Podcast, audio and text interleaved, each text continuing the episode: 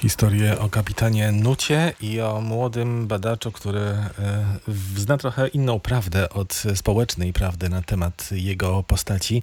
Wystawia w Teatrze Dramatycznym w Wałbrzychu Wojtek Rodak, który jest w naszym studiu w Wałbrzychu wraz z Sebastianem Majewskim.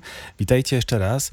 Jeszcze tylko jedno pytanie chciałbym o tym teatralnych sprawach e, zadać, bo zauważyłem, szperając przed dzisiejszą audycją, że w 1955 roku w Kaliszu ten tekst zrobił Konrad Swinarski. A ty powiedziałeś, Wojtek, że to jest też taki trochę spektakl dla ciebie o tym, o tych teatralnych autorytetach, których masz albo nie masz, albo one są zupełnie inne od tych, które były kiedyś. Tak, to prawda, to prawda. E, oczywiście jeden z profesorów, e, jak tylko usłyszał, że robię e, żeglarza jako swój debiut, przypomniał mi, że właśnie debiutował tym tekstem Sinarski, więc jakby to był kolejny jakiś taki nagle wielki kloc historyczny, historyczny pomnik, który po prostu mnie przytłoczył już na starcie, więc tak, to też jest jakby bardzo ciekawe. Ale, ale ciężko mi powiedzieć, czy ja mam jakieś takie autorytety teatralne, Mm, na pewno mam twórców, których szanuję za, za jakieś takie myślenie i, i, i ciekawe podejście, ale ja też staram się nie, mm, nie myśleć właśnie w kategoriach, że, że ja się jakoś inspiruję bardzo mocno czyimś twórczością, czy że któraś twórczość wywarła na mnie jakiś bardzo mocny wpływ, bo ja też teatrem się zacząłem interesować dość późno, wcześniej był film, e, więc e, też muszę przyznać, że dla mnie dużą inspiracją jest w ogóle też twórczość filmowa i, i, i ten obszar jakby kultury i, i, i działań. I gdzieś to myślę, że w teatrze moim gdzieś to myślenie też prze, przewija i pewnie będzie, będzie przewijać. A czy tym młodym badaczem e, będzie w twoim spektaklu badacz rzeczywiście, czy to Karolina na przykład będzie młodą badaczką? To będzie Karolina. To będzie... Tak, się właśnie domyślałam. Ja zastanawiam się też cały czas, jak, jak ten spektakl e, będzie funkcjonował e, w kontekście historii najnowszej teatru dramatycznego w Wałbrzychu, w kontekście chociażby był sobie Andrzej duetu Strzępka i Demirski, spektaklu, który był rzeczą o naszym stosunku do autorytetów, który był takim gestem strącenia tych autorytetów e, z pomnika. E, czy, czy podejmując tę pracę, ty masz też świadomość takich kontekstów związanych z tą konkretną sceną? E, tak, gdzieś to z tyłu głowy jest. E, ale myślę, że też, nie wiem, może też wydaje mi się, że jakaś tam pokoleniowa zmiana się tak, dokonuje. Tak, tak, i... tak. No i właśnie zastanawiam się, jak ona się dokonuje. Pokolenie wcześniej zrzucano dość brutalnie, sobie poczynano z tymi autorytetami. E, jaki do nich e, stosunek ma debiutujący reżyser? Czy równie buńczuczny? Nie, ja też nie chciałbym też odpowiadać tutaj e, za całe swoje pokolenie nie, i robić jakieś manifesty. Oczywiście, pytam oczywiście, ciebie. E, ja mam taki stosunek, że jednak y, y, lubię się przyglądać jakby tym osobom, które stoją na, pod, na postumentach y, i jednak podchodzi oczywiście dość w krytyczny sposób do tego, ale nie, chyba nie aż tak radykalny.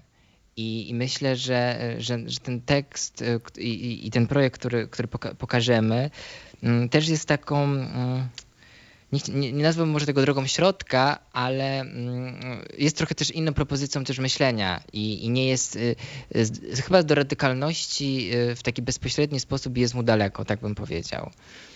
I chyba też mi jest jakoś tak y, dalej do jakichś takich radykalnych działań i, ja sobie trochę myślę o, o teatrze jednak w trochę w inny sposób. Chyba jakoś tak bardziej czule, tak mi się wydaje. To ładnie powiedziane. Sebastian, a o co chodzi z pocztem krytyków polskich, w skrócie Och, PKP? Widzisz, już spaliły się. Można było jeszcze podtrzymać trochę tajemnicę, co to PKP co to robi w teatrze. -hmm. Tym bardziej, że żeglarz, a tu PKP. No e, właśnie. E, poczet królów, e, Boże, królów Tam mogłaby być właśnie. polska żegluga śródlądowa, PZS. Poczet krytyków polskich i łamane przez problemy krytyki polskiej. To jest taki projekt siedmiu spotkań, które odbędą się w całym 2020 roku w teatrze, e, moderowanych spotkań pomiędzy praktykami a krytykami e, teatru, w którym wydaje mi się, że dobrze byłoby dotknąć problemu, o którym w różnych e, gremiach, przy różnych okazjach mówi się głośniej albo ciszej, to znaczy problemu styku pomiędzy krytyką teatru a teatrem jako mm, działaniem artystycznym. I te problemy, które są, no to takich najprostszych problemów, które mamy. Czy, czy krytyka jeszcze dzisiaj teatrowi jest potrzebna? Czy krytyka teatralna jeszcze dzisiaj istnieje? Czy krytyka teatralna funkcjonuje w jakiś sposób y, ważny dla widza? Jak twórcy podchodzą do y, krytyki teatralnej? Czy ona wewnątrz teatru jest też potrzebna, czy jest no, jakimś elementem, który albo się pojawia, albo nie pojawia, ale to tak naprawdę jest nieważne. Nie, nie, nie Jaką rolę dzisiaj ma krytyk w kontakcie z mm, y, twórcą? Jaką rolę przyjmują też krytycy w teatrze, bo to też zaczyna się zmieniać. Wreszcie, jakie media będą dzisiaj służyć mm, y, ro, rodzącej się albo umierającej krytyce teatralnej. I w tych siedmiu e, e, spotkaniach e, chciałbym zaprezentować krytyków, którzy są z różnych środowisk opisujących teatr, różne gusta reprezentują. Czyli na przykład będzie e, Temida Stankiewicz-Podchorecka i Tomasz Domagała i Witold Mrozek na e, przykład? Będzie Witold Mrozek, będzie Jacek Wakar, będzie Jacek Kopciński, będzie Henryk Mazurkiewicz, będzie Roman Pawłowski, będzie Krzysztof Mieszkowski e, i będzie Jacek Sieracki. I za każdym razem oni będą skonfrontowani z a, twórcami teatru. A jakieś kobiety? Agata proszę, Duda Gracz. Proszę bardzo, już podaję. Kobiety występują w takich konfiguracjach, że e, Weronika Szczawińska spotka się z Jackiem Kopcińskim. Agata Duda Gracz spotka się z Jackiem e, Sierackim. E, o, i to mm, Zaproszona została Monika Strzępka, która jeszcze nie potwierdziła, ale to ma jeszcze czas, bo to jest dopiero grudzień, więc myślę, że jeszcze potraktowała moje zaproszenie trochę chyba e, żartobliwie. Monika Strzępka, która spotkałaby się z Witoldem Mrozkiem, a dodatkowo Krzysztof Mieszkowski z Bartkiem Frąckowiakiem, e, Henryk Mazurkiewicz z Grzegorzem Laszukiem, Jacek Wakar z Mariuszem Grzegorzkiem i Roman Pawłowski z Marcinem Liberem. Mm. Ale to znaczy, że nie ma kobiet piszących o teatrze, bo to jest ciekawe. E, ciekawe zestawienie, ja że tutaj też, ich nie ma. Rozmawiam to... tutaj z jedną kobietą, tak, która ja... przestała pisać o teatrze, kiedy ją... Piszę tylko na Facebooku, no niestety. No właśnie. Ja też, Świat ja też, mediów mnie do ja też, ja też to zobaczyłem, że jak tak zacząłem tych, tych e, e, e, ludzi zbierać i potem zaprosiłem, to zobaczyłem, że kurczę, tych kobiet nie ma, więc myślę, że to nie, ja bym nie chciał mówić tak, że nie ma kobiet piszących o teatrze. Pewnie są i tutaj chyba moja głowa niestety popełniła pewien błąd, bo się po prostu wy, jakby E, skupiłem bardziej na, na, na, na jakichś takich problemach, to znaczy na przykład zaproszenie Krzysztofa Mieszkowskiego i, i, i, i Romana Pawłowskiego wzięło się z tego, że chciałem zaprosić z jednej strony e, krytyka, który.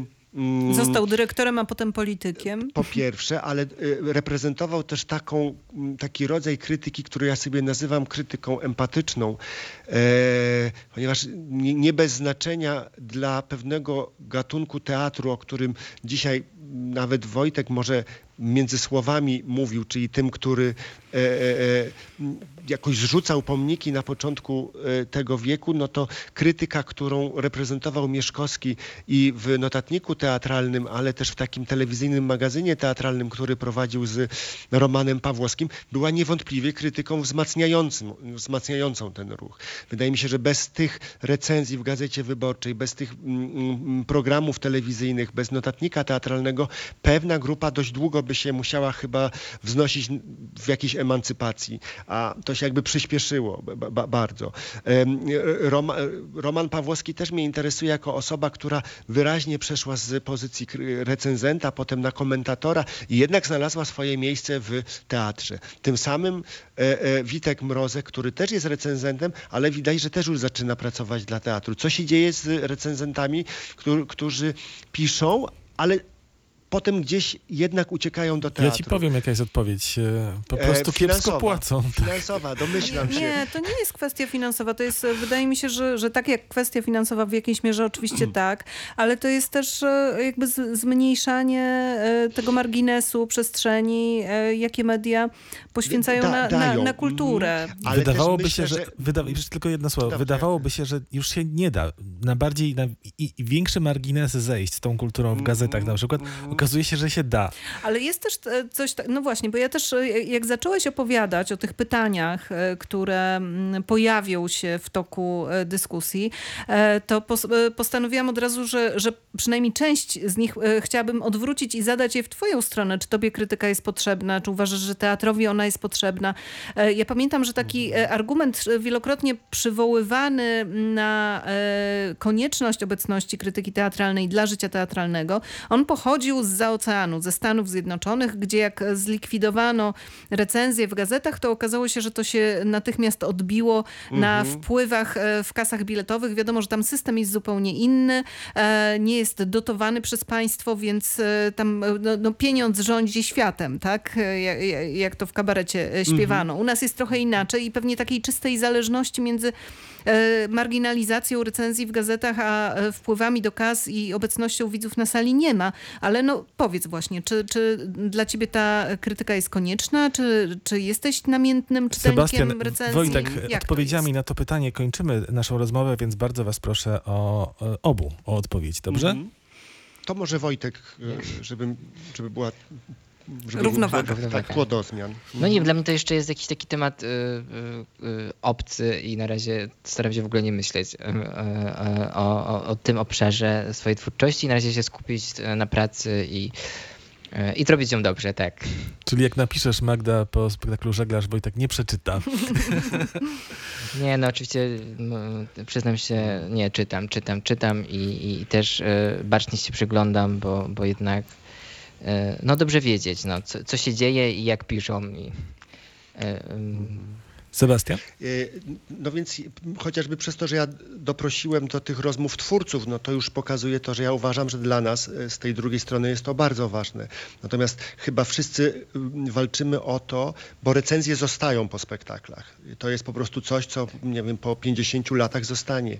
I dobrze, jakby ta recenzja jednak oddała charakter spektaklu. To znaczy, żeby na przykład nie była oceniająca w przymiotnikach, to znaczy, żeby nie była tylko dobre, niedobre, albo ktoś tam coś.